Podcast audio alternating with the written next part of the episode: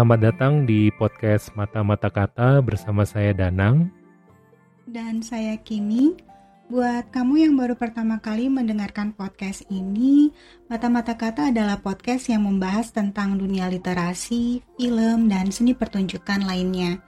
Bagi teman-teman yang sudah mengikuti podcast kami selama ini, selamat datang kembali dan terima kasih untuk kesetiaannya mendengarkan kami. Di episode kali ini, kami akan membahas buku Anak Bajang Mengayun Bulan, karangan Sindunata. Buku ini awalnya cerita bersambung di harian Kompas dari bulan September 2021 hingga Maret 2022.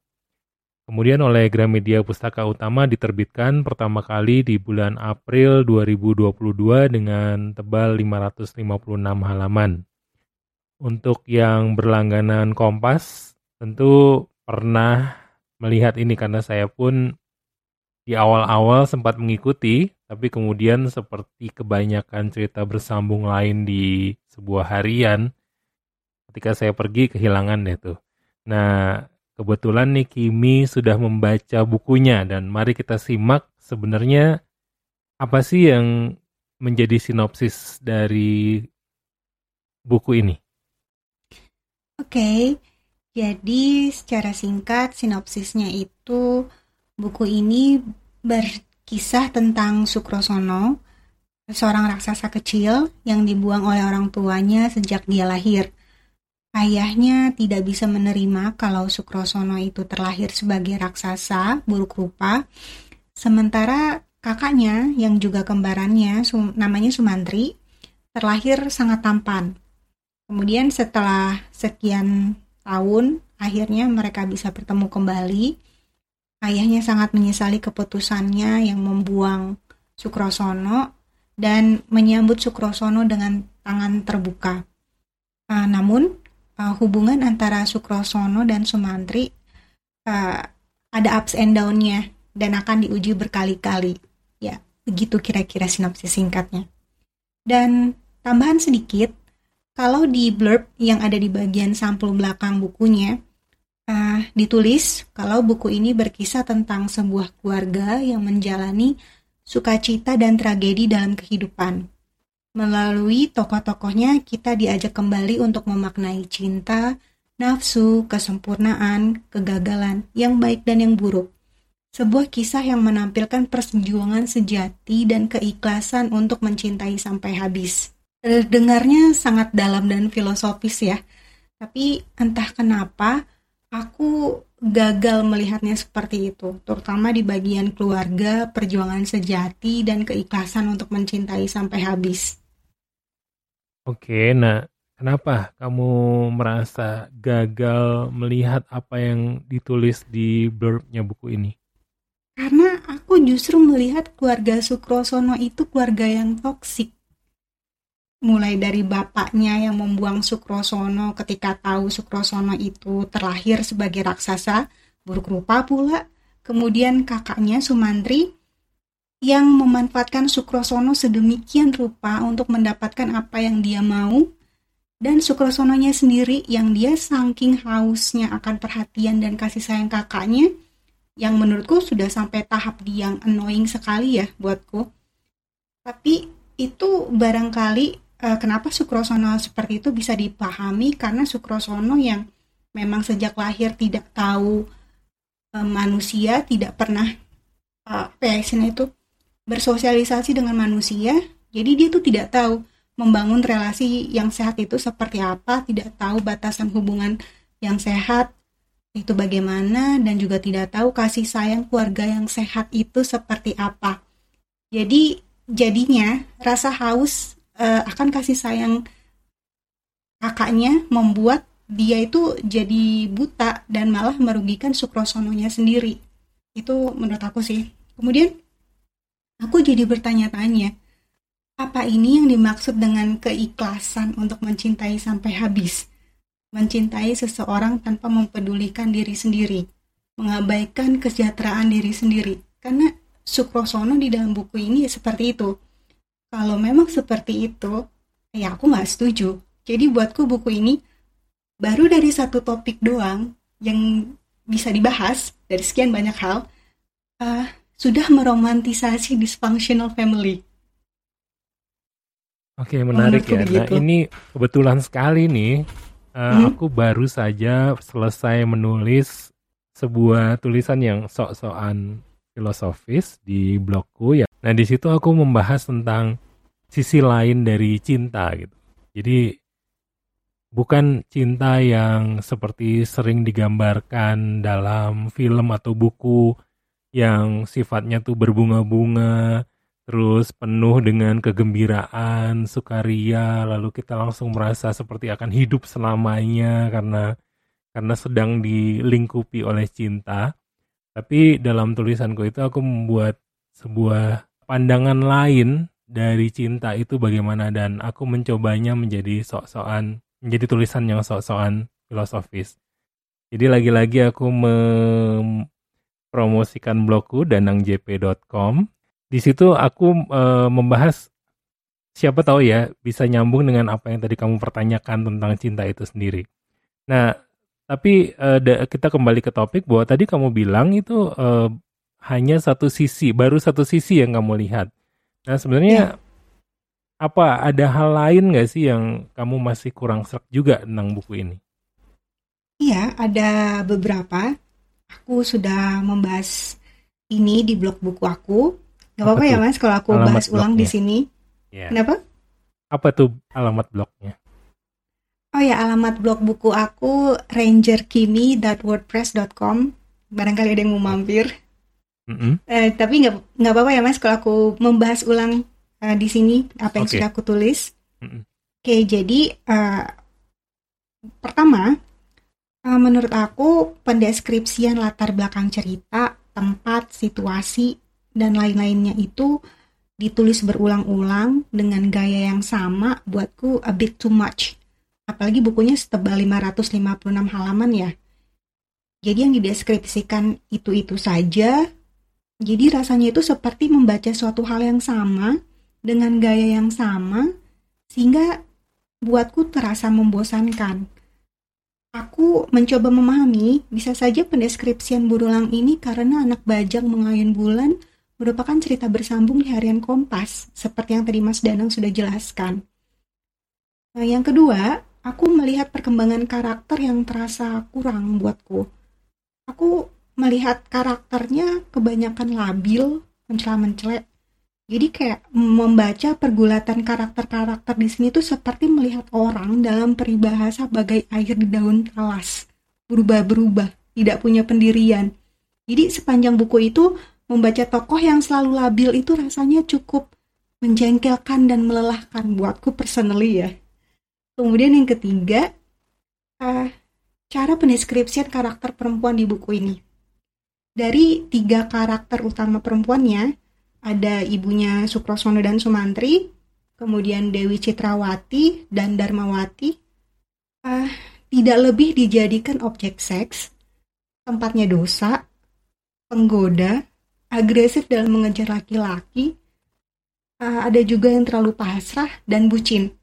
Jadi kayak semacam menguatkan stereotip negatif perempuan gak sih mas? Jadi di saat perempuan sekarang masih berjuang untuk lepas dari stereotip negatif seperti itu, tapi di karya sastra atau literatur masih dideskripsikan seperti itu rasanya itu ya uh, masih panjang berarti perjuangan perempuan. Ya jadinya aku juga membacanya nggak nyaman dan nggak enak juga aku tidak akan memprotes terkait di buku ini bahwa misalnya perempuannya itu semuanya jahat atau enggak. Tapi karena memang di sini ada tetap ada juga perempuan yang jahat ada perempuan yang baiknya juga ada. Jadi ya seimbang lah sama kayak manusia lah ya. Maksudnya itu uh, liatin general manusia ada yang baik ada yang jahat kan. Uh, seperti juga perempuan. Lihat in generalnya gitu. Uh, namun Menurut aku, Romo Sindu terasa tidak adil ketika begitu banyak mendeskripsikan fisik perempuan. Misalnya menulis, ditulis entah berapa kali tuh buah dada perempuan, betis yang tersingkap, atau lainnya deh. Ketimbang mendeskripsikan karakter fisik laki-laki di sini. Penggambaran fisik laki-lakinya itu nggak lebih dari hanya mereka itu tampan, gagah, dan ditambah karakter bukan fisik apa ya non fisiknya kayak bahwa mereka itu sakti mandraguna nggak adil kan kelihatannya dan mana lumayan banyak vulgarnya jadi kayak semacam soft porn gitu loh mas buat aku tapi yang dideskripsikan justru bagian lebih banyaknya bagian perempuannya kemudian yang keempat ketika Raja Maespati namanya Prabu Arjuna Sasrabahu yang mengangkat begitu saja uh, Sumantri menjadi senapati Maespati. Padahal Sumantri itu tidak punya pengalaman sama sekali. Itu nggak masuk akal buat aku. Prabu Arjuna Sasrabahu itu sebelumnya belum pernah kenal siapa itu Sumantri. Dia tidak tahu Sumantri itu kekuatannya seperti apa, sesakti apa dia, secakap apa dia dalam memimpin pasukan, tetapi Prabu Arjuna Sasrabahu bisa dengan mudah mengambil keputusan sepenting itu hanya karena dalam pandangan pertama dia sudah terpesona dengan Sumantri. Jadi kayak semakin membenarkan bahwa kata-kata orang-orang mas, jika seseorang terlahir tampan atau cantik, separuh permasalahan hidupnya itu kelar, beres.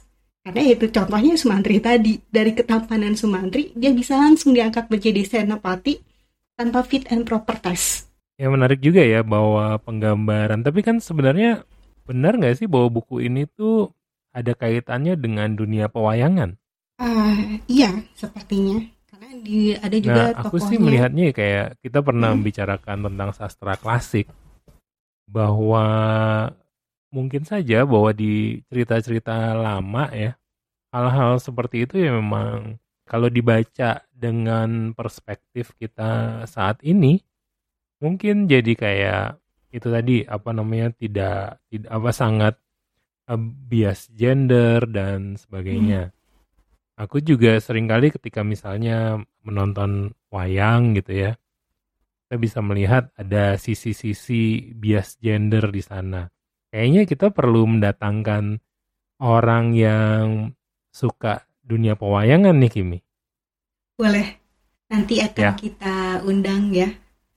Oke, mungkin kalau uh, ada pendengar kita yang suka dengan dunia pewayangan atau mengenal tokoh-tokoh yang diceritakan dalam buku ini dari sisi lain, kita undang untuk menghubungi kita ya supaya kita bisa ngobrol-ngobrol nih dari sisi yang lain yang untuk orang-orang yang tentang tahu tentang dunia pewayangan. Kami tunggu ya. Ya. Tadi hmm. penjelasan uh, yang kamu bawakan adalah bahwa kamu sepertinya mm, kurang menyukai buku ini ya. Tapi hmm. ada nggak sih sebenarnya sisi-sisi yang kamu suka dari buku ini? Oh ya, uh, sebelum aku menjawab itu, aku mau menambahkan sedikit tadi karena Mas hmm. Danang membahas uh, soal wayang.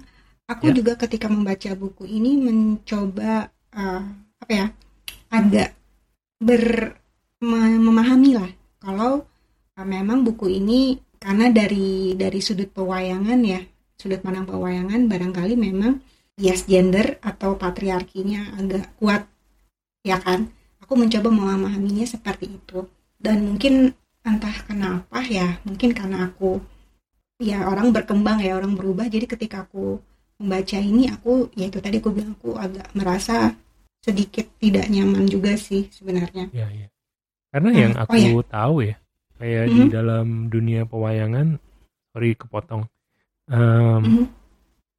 Sering kali sesuatu itu digambarkan atau gini kita coba melihat dari perspektif budaya lain ya. Uh, ini kan pewayangan. Mm -hmm. tapi kayak misalnya kita melihat uh, di budaya Eropa ada um, uh, opera ya. Opera itu mm -hmm. kalau nggak sedih banget lucu banget. Jadi kayaknya sesuatu di masa yang lampau gitu ya sesuatu itu memang sedikit banyak digambarkan hitam putih ya kalau hmm. di kita sekarang ini ada yang abu-abu kadang-kadang bahkan ada yang warna-warna yang berbeda tapi mungkin sastra lama ya atau cerita-cerita dari masa yang lampau itu lebih ke hitam putih jadi buat kita merasa ini keterlaluan deh misalnya hmm. orang ini terlalu buruk rupa terlalu uh, lalu yang tadi kamu bilang ya terlalu berusaha untuk mencari cintanya dan akhirnya jadi keterlaluan kayak gitu-gitu. Mungkin Hmm. nggak sih eh, sebenarnya ya itu karena ini dari masa yang lampau maka ada juga kayak gitu-gitu. Iya, bisa jadi sih. Jadi eh, yang menuliskan mencoba mengambilnya karena ini c- dari cerita masa lalu ya, cerita pewayangan yang kita tahu mungkin sekian lam sekian abad dari sebelum Masehi Hmm, kali ya, hmm, yang hmm. masih kental seperti itu sih. Ya, aku mencoba memahami seperti itu dan kita membacanya dari perspektif eh, modern. Iya, iya, iya. Eh, jadi kalau ditanya apa yang aku suka dari buku ini ada, aku suka dengan gaya menulisnya Romo Sindu. Beliau itu menulis gaya menulisnya itu dalam merangkai katanya itu lembut dan indah gitu loh mas. Jadi terasa magis buatku. Dan itu juga alasan yang membuatku menyukai buku anak bajang yang pertama, yang anak bajang menggiring angin. Itu aku suka sekali bukunya. Eh, aku juga baca buku ini selain suka karena dari gaya menulisnya Romo Sindu, aku juga semacam mendapat pelajaran baru, terutama nama-nama hewan dan nama-nama bunga. Romo Sindu banyak sekali memasukkan berbagai jenis burung dan bunga di buku ini. Dan pendeskripsiannya tentang alam juga keren menurutku. Jadi aku bisa membayangkan seolah aku tuh lagi di hutan baca buku ini terus mendengarkan kicauan burung dan memandang bunga-bunga yang disebut di dalam buku ini. Hebat juga ya. Aku jadi Iya. teringat seorang penulis yang baru saja meninggal di akhir tahun ini, eh, Remi Silado. Eh, mungkin seperti apa yang kamu suka dari Romo Sindu dalam menuliskan banyak jenis burung dan bunga. Remi Silado menurutku punya ciri khas sendiri, sendiri bahwa dia sering sekali menuliskan sisi-sisi sejarah dari sebuah tempat dalam novel-novelnya. Jadi walaupun itu bersifat novel tapi kita melihat ada kekuatan penelitian di dalamnya, ada kekuatan itu ya. Sehingga beliau seperti halnya eh, Romo Sindu tadi itu eh, terlihat bahwa risetnya cukup gitu untuk bisa mengatakan misalnya tadi kamu bilang jenis burung dan bunga dan bahkan mendeskripsikannya. Sementara kalau Remi Silado itu juga begitu, jadi dia menyebutkan nama jalan, lalu ada gedung apa dan sebagainya. Dan itu menurutku sangat menarik sih. Nah, sebagai penutup nih, Mhm. buku ini kamu beri bintang berapa dari lima bintang? Aduh, aku merasa bersalah sekali sih kalau eh, aku memberikan bintang eh, dua dari lima. Maaf sekali buat yang menyukai buku ini, tapi itu yang aku rasakan. Oke, jadi mungkin untuk yang suka dengan buku ini dan tidak suka dengan pendapat kamu, boleh eh, berdiskusi dengan kita nanti ya. Kami tunggu. Baik. Oke, kita tutup saja kalau begitu episode kali ini. Terima kasih buat teman-teman semua yang sudah mendengarkan episode ini sampai habis. Jangan lupa untuk membagikan podcast Mata-Mata Kata dan ikuti akun sosial media Mata-Mata Kata. Kami ada di Twitter at podcast Mata Kata, Instagram at Mata Mata Kata, dan page Facebook di Mata Mata Kata. Kami juga bisa dihubungi via email di podcastmatamatakata at gmail.com. Sampai jumpa di episode Mata-Mata Kata selanjutnya.